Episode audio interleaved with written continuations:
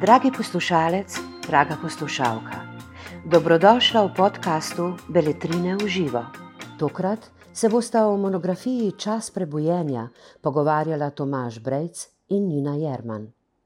Lepo pozdravljeni. Danes bomo govorili o knjigi Čas prebujenja, slovenska umetnost med letoma 1880 in 1918.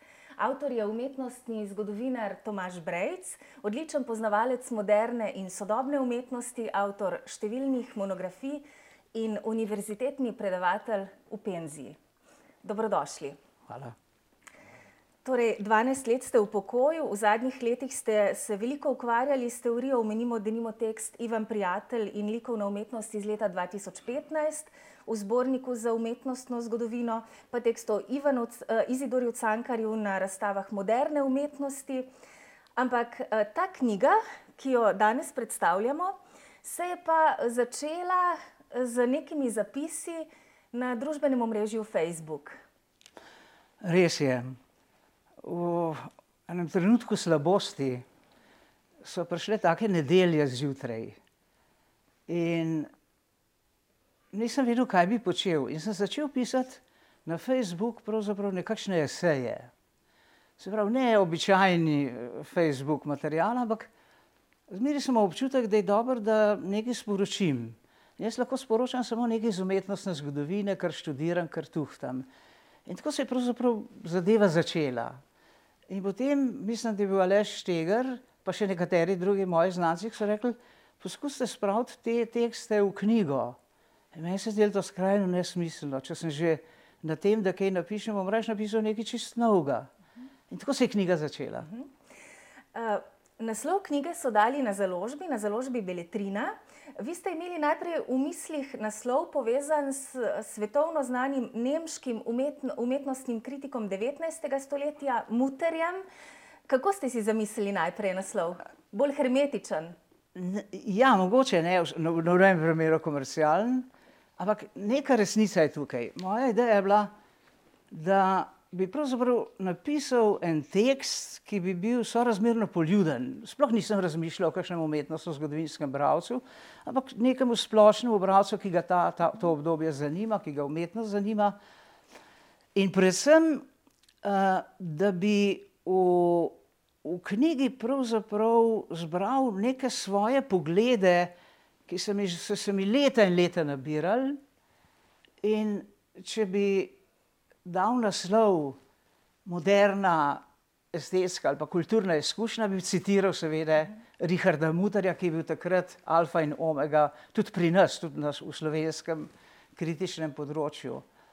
Uh, obenem je pa ta teza na nek način vezana na to, kaj se je v obdobju, če postavim na ta začetek, Šubičev portret notarja, uglednega pisatelja, novega politika liberalne narodne stranke Ivana Tavčarja in končam z enim čudovitim pogledom uh, Ivana Cankarja v njegovi zadnji knjigi. Potem se mi je zdel, podobaj sanj. Ja. In potem se mi je zdel, da se moram vprašati, kaj se je v tem obdobju zgodilo. In uh, prebojenje ima nek smisel. Ampak v, na Dunaju je bil en znamenit arhitekt Otto Wagner, njegov učenec je bil plečnik. In Wagner, ko so ga vprašali, ja, se to je pa renesansa, je rekel, jaz iz kajne renesanse, jaz iz ajne nesans, je rojstvo. In to je bilo zdaj to prebujenje nekega modernega, estetskega duha v tem obdobju 1880-1918. Ampak ta duh ni bil samo literatura, od realizma, Tavčarja, eh, Krsnika ali pa recimo naturalizma Govekarja, pa potem do simbolizma ali celo robnih eh, ekspresionističnih idej pri poznem Cankarju. Ampak je bilo vse mogoče. Naprimer, to je obdobje, ko se pravi, v, tem, eh, v tej knjigi pojasnite v treh eh, velikih epohalnih poglavjih dejansko, kako se je rojeval slovenski likovni modernizem. Tako je.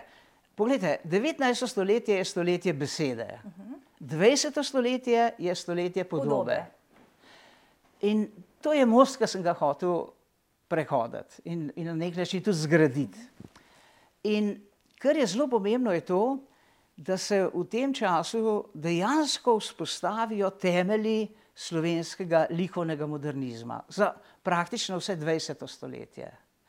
Um, seveda, treba je vedeti, da tukaj niso bile samo slike, kipi, ampak recimo je bila zelo pomembna fotografija. In na vse zadnje, recimo leta 1909, imamo film Salvatore Spina in tržaški uh, kinooperater ga je posnel v Ljubljani, kjer pravzaprav ob Grossmanovem filmu in tem, teh prvih dokumentarnih posnetkih in seveda z širjenjem popularnega filma po ljubljanskih kinematografih, doživimo pravzaprav dejanski vstop iz literarne v likovno izkušnjo. In vi dejansko zelo zanimivo o tem pišete, se pravi, uh, med ti dve letnici, um, seveda. Postavite to likovno zgodbo, hkrati pa pišete o tem času industrializacije, tehničnega napredka, razvoja fotografije, filma, kot ste omenili, in vse to nekako anekdotično prepletate, ko pišete o vizualni umetnosti. Ne pišete samo za umetnostne zgodovinarje. Ne, nikakor ne. Naprimer, kako ne pišem, če je 1896. leta uh, prišel v Ljubljano en Charles Krase in je pripeljal uh, Lumierov film Prihod na brzo vlaka na postajo La Ciotat. In to eno leto potem, ko je bil ta film narejen. Naslednje leto smo ga videli v Ljubljani. In s tem ravno začnete to Ja, epohalno knjigo. ja. In druga stvar je, je neke vrste, veste, premičnost te civilizacije. Uh, mi pozabljamo, da je to čas, recimo, ko so ljudje veliko potovali z vlakom. In uh, če ste bili v Parizu, ste morali pisati in razmišljati, kot mislijo v Parizu. Če ste bili v Minhnu, ste morali razmišljati, pisati, delati, kot so delali v Parizu ali pa recimo v, uh, na Dunaju. Skratka, to ni neka vrste slovenistična zgodba, ampak je zgodba, ki ni narejena po načelih kanona, se pravi, da jaz zdaj gradim neko, neko, neko špico ne, te umetnosti z Jakopičem recimo na vrhu in z vsemi ostalimi trabanti v spodi, ampak je moja predstava zgodovine horizontalna. Tako da v bistvu naredim neke vrste relief, duš, duhovni relief tega časa. In v ta duhovni relief se upisujejo slike, se upisuje literatura. Recimo, če gledate, če berete takratno literaturo, recimo, pa ne samo Cankarja, tudi take manj pomembne, kakšnega Šorlja ali kaj takega, vidite, da so ti, da so ti pisatelji v svojih tekstih naenkrat naredili nekaj, čemu se reče ekfraza. In sicer besedni opis slikovne podobe, ki mogoče ni bila nikoli narejena, ampak iz likovnega sveta so jemali inspiracijo za te umetelne literarne podobe, ekfraze. Uh, to izjemno bogato knjigo ste v telefonskem pogovoru, ki so ga imela pred tem snemanjem, imenovali Coffee Table Book. To je sicer uh, običajno trdo vezana knjiga, nekoliko velika, namenjena za uporabo v prostoru, v katerem se zabavajo gostje, ki lahko služi kot nekakšen navdih za pogovor ali krajšanje časa. V tem kontekstu je morda zanimivo, ker jo lahko bralec odpre na katerem koli mestu in se nekako zanimivo prestavi v tisti čas z vsemi temi asociacijami, ki ste jih pravkar navedli. Ja, absolutno. Jaz pravzaprav pišem neke vrste short stories, uh -huh. ki so temeljito utemeljene v zgodovinskem dejstvu, ki imajo pa seveda zelo različne kontekste. Kontekst ni nikoli en sam, kontekst je zmeri množinski. In treba se je gibati zdaj znotraj teh različnih kontekstov, in enkrat recimo prevladuje literarna, enkrat fotografska, enkrat zelo, precej veliko obdobje, velik predel knjige, naprimer, je namenjen kiparstvu. Zakaj? Zato, ker se takrat prvič pojavijo avtonomni, samostojni galerijski kipi. Se pravi, kipi, ki niso namenjeni niti cerkvi, kamor so seveda slovenski kiparji največ prodajali svojih del in so imeli največ naročnikov, niti niso bili recimo akademsko alegorični, da bi stali v nekem muzejskem, specialnem muzejskem svetu, ampak so bili namenjeni odprtemu tržišču. A veste, in to je čas slovenskega meščanstva, ki zdaj, potem, ko se Jakopičev paviljon 1909 odpre, v bistvu vstopa zdaj v to likovno sfero in na začetku je zmeri ta negotovi meščanski okus, kaj mi je všeč, kaj si želim, kaj hočem izbrati. In recimo ta, bi rekel, prav en žanr galerijskega kipa, ki se recimo pri nas pokaže z Repičem, Štefičem, Ganglom, to so bili kipi, ki so bili namenjeni za to, da se najprej pokažejo v galeriji. In iz galerije potem se pojavi, v galeriji se pojavi kupec, ki bo ta recimo en sorazmerno zelo odprt, dinamičen akt ali pa recimo eno figuro dveh borilcev ali kaj podobnega, kupil pravzaprav za svojo rabo, za svojo zbirko. Ne? Se pravi, da je, da se, in to je ta princip samostojne kiparske umetnine, ki je potem tipična za vse 20. stoletje.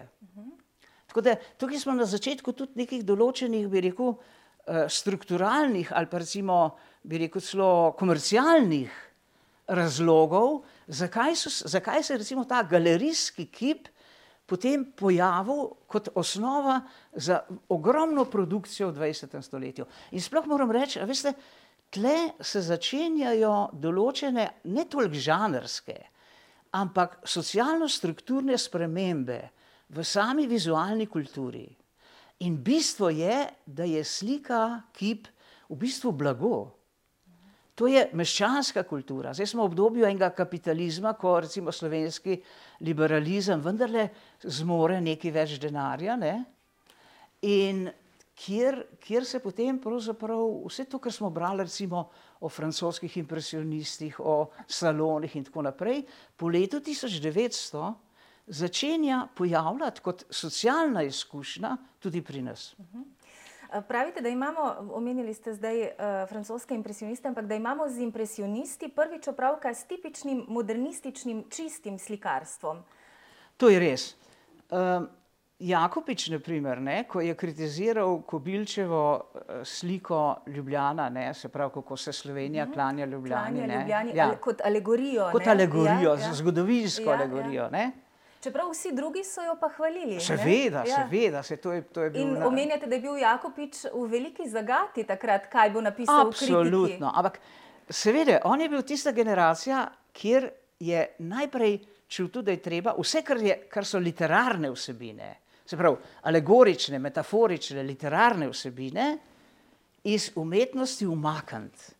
In vrniti v umetnost, v modernizem, predstavo, da je slika dvodimenzionalna površina, na določen način pokrita z barvami, ki, s katero upravlja umetnik. Recimo, za impresionizem je bilo tipično, da so na mestu teh obrisnih, voluminoznih slik začeli dvodimenzionalne slike, ki so temeljile na komplementarnih kontrastih. In drugič, da je recimo naravna podoba ravno tako pomembna kot historična podoba. Recimo Aškar se je skozi stokal, ne, kje so slovenski slikari, ki slikajo slovensko mitologijo, slovenci ob Adri in tako naprej. Se pravi, nekaj podobnega, kot je, kot je pod svobodnim soncem napisal uh -huh. Finžgar. Medtem ko so bili ti slikari, so bili v bistvu na nek način, bom tako rekel, čisti slikari. Ne? Njih je zanimala optična izkušnja umetnosti. In to so videli v impresionizmu. Mhm. To čisto umetniško ja. izkušnjo. Eh, v slovenskem prostoru se je eh, impresionizem uveljavil v prvih eh, letih 20. stoletja. Impresioniste dejansko postavite v ta evropski kontekst in demitologizirate. To je poudarila tudi recenzent, recenzentka Marijeta Ciglenečki. Kako pomembni so bili takrat impresionisti, glede na recimo neko slavo, ki jo danes uživajo v slovenskem prostoru. Poglejte, vam bom dal en čist enostaven primer. Jakopič in Jama leta 1900 v Glas Palastu v Münchnu vstopta v eno razstavo, kjer je bilo 1300 del. V Münchnu sta bile na razstavi samo dve sliki Moneja in dve sliki Pisaroja. med vsemi tisočimi slikami, ki so bile neskončno bolj popularne takrat v Münchnu, to so bili lokalni matadori, sta te dva umetnika opazila recimo uh, Monejev uh, most čez Temzo. In jama prav, tista srebrna, tisti srebrn ton v tej sliki, to je nekaj, kar sem si strašno želel. Ampak vidite, Oni niso šli v impresionizem leta 1872, ko se je impresionizem rodil, ampak so se inspirirali pri poznem impresionizmu, se pravi pri impresionizmu, ki je že nekako tendiral k nekakšnim simbolnim vsebinam. Tako da njihova recepcija impresionizma je bila recepcija poznega, poznih mojstrov impresionizma in drugič, razumete pozabiti, da, da na vse zadnje je to vendarle neke vrste Eh, čas recimo evropskega simbolizma, Van Gogha, Gogena, postimpresionizma. In jaz sem našel več teh, bi rekel, povezav, eh, ko sem sledil umetniškim intencam naših impresionistov z to poznim obdobjem. Tako da recimo, jaz se ne bi niti bal, da bi rekel, slovenski impresionisti so pravzaprav postimpresionisti. Oni nastopajo že v obdobju poznega impresionizma. Kako pomembna pa je ta modra barva, ta modrina? Predvsej uh, zanimivo posvečate kar neki uh, strani temu. Ja, na Dunaju in v Münchnu se je slikal v ateljeju, se je slikal po holandskih vzorih, recimo po Rembrandtu uh -huh. in tako naprej. In tam je vladala tako imenovana rjava Rubensova omaka, uh -huh. kar je pomenil, da je bil pravzaprav samo en vir svetlobe, in potem se je ta kjaroskuro, ta svetlo-temni, podoba, glavna podoba, se je nekako zavila v to rjavkasto, megličasto okolje enega zaprtega škatlastega prostora. Impresionisti vstopijo v odprt prostor. Vi si morate impresionista. Pred... Ni bilo več te rjave omake. Ne, ne. Vi si morate impresionista predstavljati kot slikarja, ki stoji zdaj recimo na barju slika, naprimer, eno ja, jagnje ali pa en, en, en jagnet, ne, slika en drevo. Ampak on ni v zavarovani poziciji, recimo, da je za njegovim hrbtom neka, neka sten, stena ateljeja in potem projicira pogled od te varnega hrbta naprej. On stoji v prostoru, ki je 360 stopinj okrog njega, točno tako, kot je pred njim. In tam noter je vetje zraka, spremembe uh, oblakov, uh, recimo uh, toplota, vlaga, potem celotno razpoloženje. Jaz bi temu rekel, oni ne zaznavajo več narave drugače kot v, smislu ene atmosfere. Veste, atmosfera je nek splošen pojem, v katerem pa mi recimo tako kot v vremenu. Jaz rečem, vreme je takšno in takšno. Tam je tisoč in en podatek, ampak abstraktni pojem tega je vreme. In Recimo v zimskih prizorih se to v, pri slovenskih impresionistih še posebej vidi, ker imate občutek, da so vstopili v tisto, recimo uh -huh. uh, uh, grohar ne, uh -huh.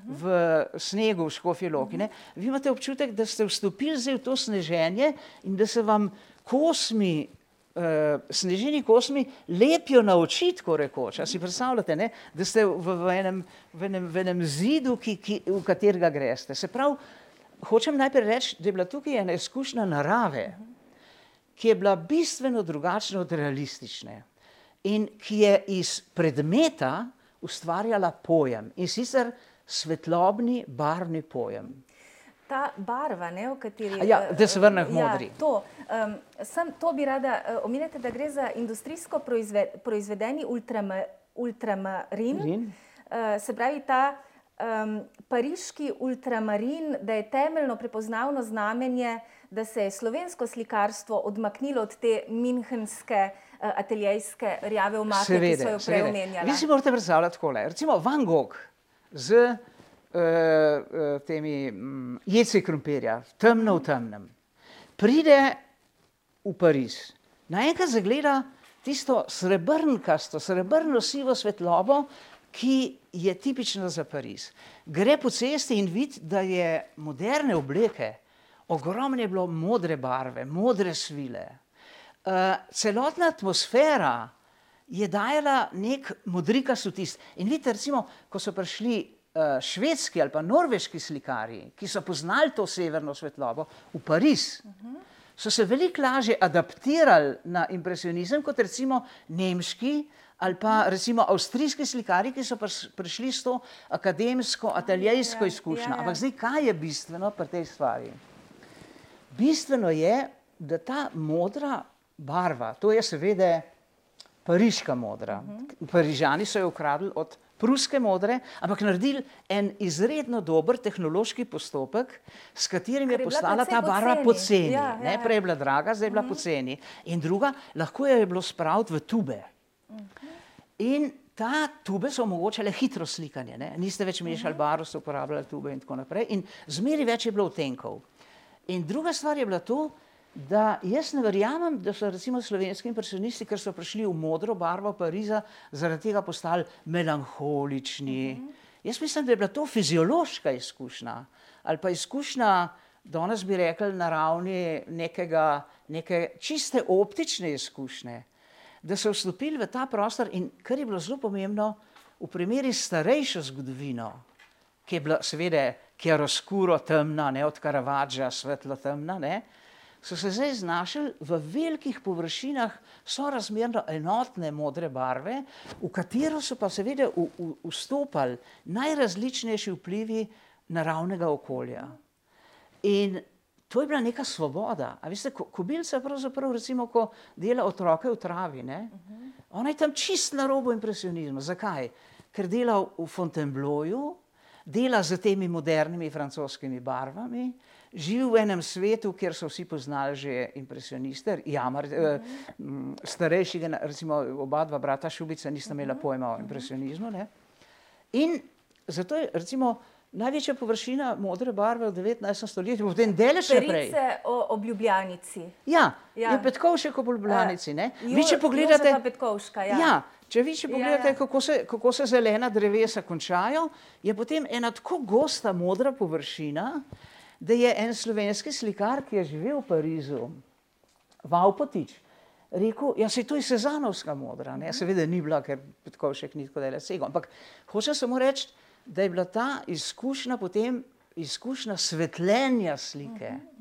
Ne? Nikoli več niso šli nazaj v te temne Rubensovske rjave, ampak so zidali naravo od popolnoma novih komplementarnih kontrastov, kjer je bila pa kjer je bil pa recimo podlaga, je bila svetlo grundirano platno, belo grundirano platno, ne, ne bolus, kot je bilo uh, v starejši tradiciji.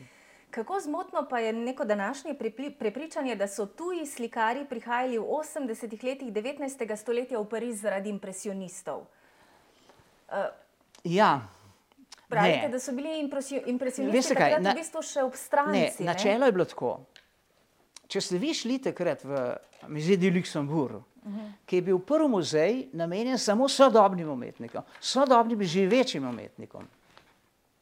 Se je doživelo eno presenečenje. Namreč, da je v 80-ih letih uradna oba dva salona, pol, ne, na katerem je Šubic, pa potem, eh, kjer je Kubilca razstavljala, ko so stopili v salon, ste ugotovili, da ta salon ni več temen, ampak da je svetu. Od, eh, od Eh, recimo te, te bi rekel, akademske eh, tradicije temnega slikarstva, je salon postal svetu. Ne zato, veste, da ga je enkrat rekel zelo lepo, kritizirajo nas na vse načine, zraven nam pa kradejo žepov. Kaj so kradli žepov? Barve, svetlobo. In salon ni bil temno slikarstvo, ampak je, je žarel pravzaprav, ampak pod kakšnimi pogoji? Vse je moglo biti silno natančno, francozi so konzervativni, je moglo biti silno natančno obrisno narisan. Tle, recimo v impresionizmu je predmet pojav. To se pravi, vi nikoli ne morete natančno ugotoviti, kdaj se ta pojav neha in kdaj se topi že pretopi v okoljno pokrajino, v atmosfero. Medtem ko recimo na salonu je bilo to vse natančno obrisan, ampak delano je bilo pa z pariško modro barvo, delano je bilo s svetlimi, smaragdnimi zelenimi, rdeča je bila magenta. Se pravi, salon je bil veliko svetlejši, kot se mi danes predstavljamo. Po drugi strani so pa tam veljali samo historični in alegorični in podobni taki socialni motivi. Se pravi, ne ta, bi rekel, čista optična izkušnja impresionistične pokrajine. Knjigo izjemno zanimivo, se pravi, slovenske umetnike izjemno zanimivo postavljate v, seveda, v, v tuj kontekst, spremljate jih, se pravi, na njihovih potovanjih v tujini, percepcijo tujo slovenskih umetnikov, tudi nekatere omenjate, ki so jih recimo neko, kako ne rečem, težaško, gastarbajtersko delo jih je zatrlo, njihov umetniški talent. Skratka, črpali ste tudi iz svojih raziskav, ki ste jih predstavili že v knjigah Realizem, impresionizem, postmodernizem, pa tudi študije o slovenskem slikarstvu v dvajsetem stoletju. A vendar je na neki način to knjigo spremljala neka nova izkušnja, izkušnja digitalizacije, se pravi, omenjate, z enim klikom ste bili v Parizu. Kako je dejansko to spremenilo dojemanje umetnin v času in prostoru? Pravite, da je postala bolj ploska in horizontalna. Absolutno, absolutno. moj študij recimo petdeset let nazaj je bil sestavljen iz napornega branja starih katalogov, starih knjig, starih revij. Danes vse to dobim v umetnostno-zgodovinskih agregatih, v recimo Bibliothèque nationale Gallica ali pa recimo Österreichische Nationalbibliothek ima Ano. In imate vse te revije, vse to noter. Ampak kaj se je zdaj zgodilo? Ko vi študirate na ta način, se začnejo slike na ekranu kazati kot ploske ikone. In imate možnost najrazličnejših šahovskih obratov, kako jih boste interpretirali. Popolnoma pa zmanjka ta globina časa. Čeprav vi v v tej knjigi jo izrazito pričarate. Absolutno, absolutno. Jaz sem recimo uporabljal moderno tehnologijo, ampak iz enega zelo preprostega razloga, ker zame te slike niso podatki na ekranu, ampak so sporočila iz zgodovine, in ta sporočila imajo globoko eksistencialno vsebino.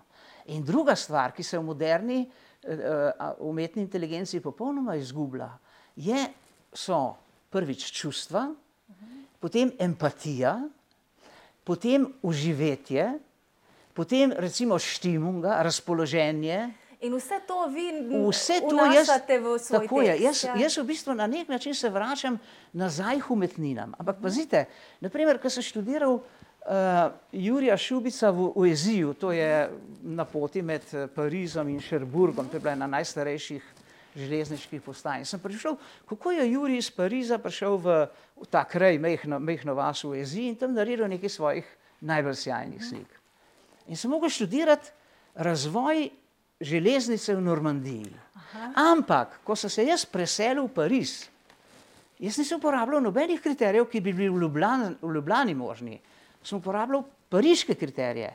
Ko sem bil v Ueziju, sem jaz gledal, kdo vsi umetniki so tam okrog Jurija čepeli, kaj so slikali, in ugotovil, da je bil Jurij veliko bolj moderen kot lokalni umetniki recimo v Ueziju ali pa v Conu ali pa v Normandiji. Skratka, vsakič se morate vi v teh zgodovinskih gibanjih preseliti v okolje, v ko so razstavljali slovenski impresionisti na Dunaju recimo od leta devetnajststo štiri pa potem dvanajst zadnjič še v secesiji, samo sem se v bistvu popolnoma preselil v dunajski svet, ne. In sem jih gledal v tistem okolju, okolju recimo te pozne secesije devetnajststo pet pa sedem, ke prvič razstavijo, takrat ko ni Klimta več zraven in tako naprej. In sem bral sočasno kritiko in našel zelo zanimive recimo omembe naših slikarjev, recimo Jakopiča ali pa Groharja, pri recimo zelo konzervativnih kritikih, ki so pisali za Neue Freie Presse, ki je bila, ta Preša je bil alfa in omega recimo takrat za branje, ne. In se pravi, če, če, če ste vi v, v Rimu, ne, potem se morate ravnati tako, kot se Rimljani ravnajo. In jaz sem se ravnal točno tako, kot je Jurij Šubic prišel v Parizu, in kaj se je zgodilo? On je srečal tam Hinajsa, svojega češkega prijatelja, govorila sta samo v nemščini, in ta Hinajs je bil zanj pravzaprav vodič po Parizu. In ni ga peljal na razstavo impresionistov, ki je bila takrat šesta razstava, aprila osemnajststo enainosemdeset odprta, ampak ga je peljal recimo pogledat pariško opero, kjer je na stropu eden največjih dekoraterjev devetnajstega stoletja, Paul Baudry, slikal svoje velikanske operne alegorije. Ampak te so bile modre, vijolčaste, svetle. In ko je Juri to videl, je lahko sodeloval z Hinajsom in pomagal Hinajsu, ker Hinajs je delal pa takrat za praško uh, gledališče, za praški divadlo. Uh, nekje, nekje vmes omenjate pa tudi to uh, zgodbo z Ivano Kobilco, ki so jo pa nekako uh, uh, recimo prosili za um, poslikavo deželnega gledališča v Ljubljani. Ja. E, to je spodletelo, potem je pa Ivan Hribar, uh, župan, znameniti, nekako jo je angažiral za mestno hišo. Vem, uh, ampak ideja je bil, um, je bil um, Štrosmajer. Uh -huh. Št ona je Štrosmajerja portretirala. Uh -huh. In takrat so se spoznala in je Štrosmajer videl, da je kobilca nenavadno izobražena ženska in da sploh ni nek obrtni slikar. In potem je on pisal uh, Hribarju. Menite, da ni bila preveč talentirana. Res je. To, je, to so zdaj te problemi. Delovna. Ja, veste, recimo, vi imate fenomenalne talente. Ne? Risar je od rojstva, Džotov O, ne? uh -huh. če se spomnite te zgodbe. Se pravi, recimo, ali pa Segantini, ne?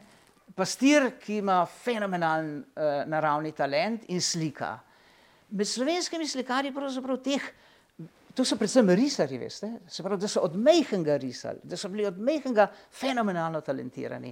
In v glavnem so tudi potem vsi, vsi duhovniki naše eh, kmečke fante prepoznali potem, da imajo talent za risanje in so jih potem nekako podpirali in pošiljali v Graz ali pa recimo celo na Dunaj.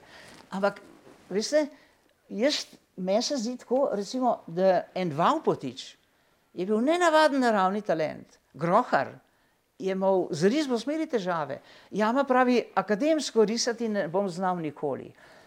To ne pomeni, da niso znali risati, ampak da niso, v bistvu so oni izstopili iz tistega drila akademske risbe in skušali potem v bistvu s pomočjo teh virov iz impresionizma, iz sočasnega slikarstva, oblikovati recimo tudi portret na drugačen način ali pa predvsem, kar je bilo seveda najbolj pomembno, uh, izbrati motive, ki so bili po eni strani krajina in ne pozabiti, krajina se je sorazmerno dobro prodajala. Vi ste imeli dve možnosti. Ali delate za crkvu in tam ste bili čisto omejeni, liturgična slika. Potem ste delali portrete, to je bil glavni biznis. Od portretov ste živeli. In tretja stvar so bile krajine. Krajine so pa, recimo, ljubljanski, v, v Parizu je bilo to že, pa v teh mestih bilo, so bili že specialisti, kupci. V Ljubljani so se pa krajine počasi, pravzaprav, bi rekel, uveljavljale kot tržno blago. Zdelo se je, da so preveč, da niso bile kartoline, ampak so bili atmosferski impresionistični prizori. In na to se je mogla ljubljanska publika navaditi. In recimo je trajalo kar eno dolgo obdobje, da je bil celo Jakopič, veste, ki se je itak najbolj uveljavljal, kot on je bil alfa in omega slovenskega slikarstva tega časa, ne, da je te svoje poglede potem v tej družbi uveljavil. In zato je bil tako važen Jakopičev paviljon. Vi ste prišli v Jakopičev paviljon in recimo, seveda je bilo ogromen portretov, je bilo veliko eh, žanrskih slik, ampak izstopale so krajinske podobe. In ljubljanska publika, ki ni bila ravno šolana, veste, če hočete vi v umetnosti živeti, rabite snobizem. Tega v Ljubljani no, ni bilo. In vi ravno omenjate nekje Izidorja Cankarja, ki je posebej poudarjal, da je um, Ljubljana še izrazito kmečka. Seveda. In še to, kaj jo je pomeščanilo, fotografija. Tako je, seveda. Fotografija, film.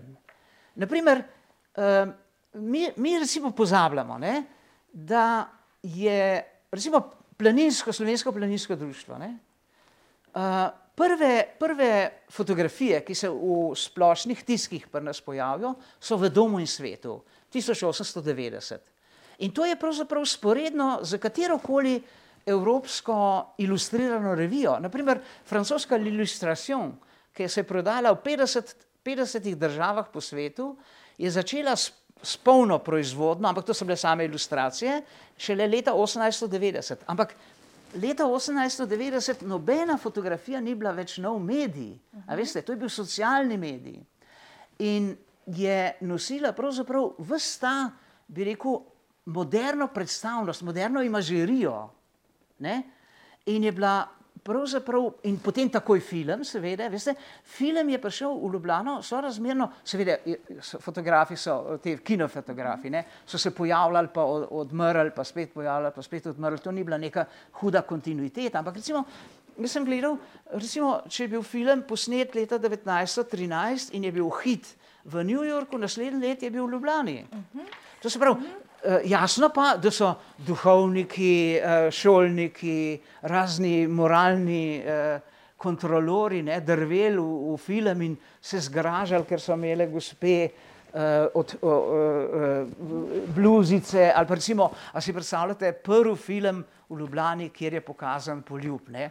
Naš škof Jeglič je pošiljal svoje ovaduhe tja noter in na koncu jim ni že verjel, ker to se mu je zdelo nezaslišano.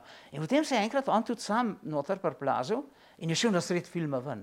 Kaj ti, to ni več moralno. Ne?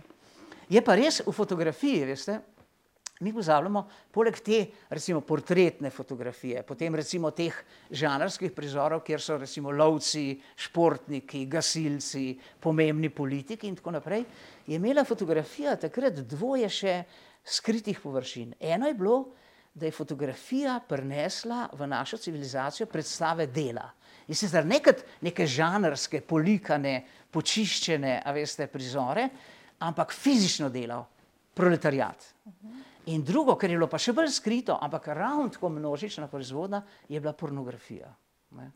Tako da tle, tukaj te raziskave pravzaprav so tudi v evropskem prostoru, recimo šele v zadnjih dvajsetih ali pa v ameriškem petindvajsetih letih, recimo, ko so v Rochesteru, ne, kjer je mm, muzej, ne, so šele odprli pravzaprav ta gradiva. Tako da jaz sem recimo praktično šele pred enimi dvajsetimi, petindvajsetimi leti prvič videl francosko pornografijo iz tistega časa. Ampak ta fotografija se je množila pod posteljo, pod mizami in tako naprej, a razumete. Dobro, to je zdaj majčkeno tak aside, ne. Ampak hočem samo to reči, da vizualna civilizacija dvajsetega stoletja je vizualna zaradi tega, ker prinese možnosti reproduciranja. In to ne samo v Benjavinovem smislu, ampak v smislu neke splošne, generalne, laične izkušnje v kapitalističnem svetu. In močnejša, ke je bila po eni strani ta, bi rekel, kapitalska moč ljudi, bogatejši, ke so bili, bolj se je širil umetnostni trg. Seveda, zanimivo pa je, da to ni bila stara aristokracija, ki je kupovala, to ni bila cerkvena gosposka, ki je kupovala, to so bili moderni antreprenerji. A veste, impresioniste niso kupovali neki stari zbiralci, ampak Američani, ki so bili odštekani in so prišli tja in so imeli frišen denar in so ugotovili, da lahko fantastično za malo denarja kupijo nenavadne slike. Jaz sem šel impresionizem študirat v Ameriko. Vi ste zelo veliko v tujini študirali, ne? V Ja. Münchnu, Los Angelesu, omenili ste Ameriko. Ja, tam sem študiral socialno zgodovino umetnosti pri profesorju Bojmu. V Franciji tudi, ne? Ja, seveda, Pariz, brez njega sploh ne morete, ne, ampak, ampak v bistvu ne gre toliko za to, a veste, sem, mene je zmeraj zanimalo, umetnik, je prišel, kaj je mislil, kaj je odkril. In danes si dostikrat mislimo tako, recimo, da je mogel umetnik videti recimo petdeset Velasquezov, da je bil navdušen. Edini, ki je to videl, je bil osemnajststo šestindevetdesetega leta naš Jakopič, ki je bil slučajno, ali sedemindevetdesetega leta, ki je bil slučajno v Münchnu in je videl eno v secesiji eno ogromno razstavo Brownovih fotografij po Velasquezu. Jaz vam rečem, leta, v tistem letu ni imel noben slovenski umetnostni zgodovinar ali poznavalec takega pregleda čez Velasquezov razvoj, kot ga je imel Jakopič. Hočem samo to reči, da so recimo te te reprodukcije, ki so se zdaj v knjigah pojavljale, saj to so celi kompendiji, ne, naenkrat naredile zgodovino čisto drugačno. Vi ste gledali v, v eni debeli knjigi ste začeli s prazgodovino in ste končali z ekspresionizmom, ne. pravite, da ste na to knjigo zdaj nekolikanj pozabili, sicer ste z njo zelo dobro sodelovali z izvršno urednico Špelco Mrvar, pozabili pa iz preprostega razloga, ker že snujete novo. kaj pripravljate? Veste, jaz gledam na to, sli, na to knjigo tako kot uh, Cankar v, zadnjem, uh, v zadnji fotografiji. Vzel sem enega Cankarja iz leta 1915, posnel ga je uh, Fran Vesel. Ja, in, ampak tam je, tam je cela vrsta ja. zanimivih stvari. Namreč Cankar je bil strahotno, kako bi rekel, njega je prizadela vsaka stvar. Tečen, um, zavisten, boh ne dej, da so ga kritizirali. On, če, če je bila druščina, je mogel biti on veliki cankar. Ampak v tej fotografiji je pa tako, da me je spomnil, recimo tako, tako on, on je tako naslonjen in ima en tak blag, nežen izraz na obrazu, kot bi se kot da bi vedel na koncu svoje poti sem. In zdaj se ozrem nazaj, točno na to obdobje, o katerem jaz zdaj pišem, in takrat ga obide ena nenavadna, ena taka nežna, melanholična blagost. On, ki je bil zmeri ostar, zajedljiv, rezek, a veste, z njim bilo težko debatirati, ne? ne? In on se zdaj ozre nazaj In zanimiv, obleče ni več v tisto dunajsko obleko, ampak ima tak modern tvit. In mi je prišlo na misel, da ga vidim tako, kot recimo, zdaj si bom to prvoščil, kot enega igralca iz dnevnega filma, ki ga bo zdaj zvočni film seveda premagal, ampak on, on se ozre nazaj in v podobah in sanj konča s tremi besedami. Življenje, mladost, ljubezen. In če smem zdaj za to knjigo reči, to je moj pogled nazaj. Uh -huh. Skratka, um, obdobje, ki vam zelo veliko pomeni tudi v vašem uh, raziskovalnem delu. Pripravljate pa pravkar knjigo o ekspresionizmu, če se ne motim. Ja, in tle, tle je na, največja razlika. Ta. Zdaj sem potval po evropskih lokacijah, bral vse mogoče evropske vire in knjige. In zdaj naenkrat po rapalski pogodbi ne, se Slovenija blazno skrči, postane tako rekoč zdravska borovina, zgubi svoje ime Slovenija, iz Beograda hoče vsakih pet let ukiniti Ljubljansko univerzo, se borijo, da bi to vse te nacionalne inštitucije ohranili, jezik, kulturo. In naenkrat se znajdem v enem svetu, ki sicer komunicira še z razstavami okrog. V glavnem je zdaj tukaj Balduna in nek Italija. Razen pilona, pilon gre v Pariz, in, uh -huh. ampak on tam ne razstavlja več, ne? On, je, on, je, on je ajdrski slikar. Ampak to hočem reči, da se ukvarjam zdaj z ekspresionizmom in naenkrat ugotovim, da smo bili Slovenci na čuden način po letu 1918 na nek način ogroženi. Veste, ne samo srpska čaršija, ampak tudi naenkrat se je ta prostor skrčil. Istočasno Se pa, so se pa oblikovale recimo tukaj gibanja okrog eh, bratov kraljev, bratov Vidmar, Jakac in tako naprej, ki so se imenovali naprimer slovenski lik.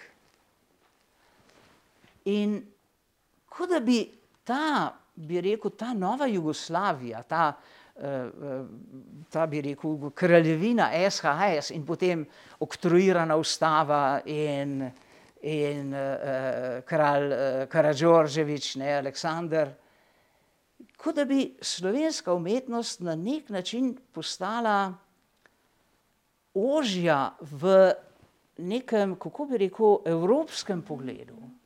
In, in, in je začela črpati iz, ne bom rekel, Bluton Boden, ampak recimo, če vi pogledate brate kralje, ne, kaj je njihova značilnost? Seveda so, mečkan so ekspresionisti, ampak ekspresionizma je zredno mal, ker slovenci nismo verjeli v psihoanalizo. In nezavednega praktično ni. Ampak vidite nek čuden primitivizem, vidite, vidite obilne, jasne, močne figure, recimo te ženske pri uh, uh, uh, Francetu in tudi Tonetu kralju. Ne? In ugotovite, da izhajajo pravzaprav iz, iz, da je to neke vrste genijus loci, ne? ki sicer slika tako, kot slika evropska nova stvarnost, ampak v bistvu je to nek lokalni, bi rekel, ruralni, pa zelo haptični regionalizem. In tle jaz postavljam spet, ampak to je bilo značilno recimo tudi za Belgijo, ali pa v, v Franciji je bil Retour à l'ordre, tako da tle so povezave, Ampak naenkrat se pravzaprav znajdem, da ta knjiga ne bo več potovala po Da je svetu. ta knjiga zelo odprta, Ja. ta, ki jo pa zdaj snujete, se pa nekako ne Ja, zapira. in, šele, in še recimo generacija v 30 letih uh, se nekako odpre. In druga stvar je, včasih so študirali po svetu, zdaj v glavnem v Zagrebu. In Praga. Pra, Praga je bila zmeri vir modernizma. Dobro, naj bo to zadnja beseda in vabljeni k branju te izjemno um, anegdotične, eseistične, eruditske knjige Čas prebojenja slovenska umetnost med letoma 1880 in 1918. Najlepša hvala za vašo pozornost. Za več knjižnih vsebin vas vabimo na www.beletrina.si in v našo knjigarno na Starem trgu 3 v Ljubljani.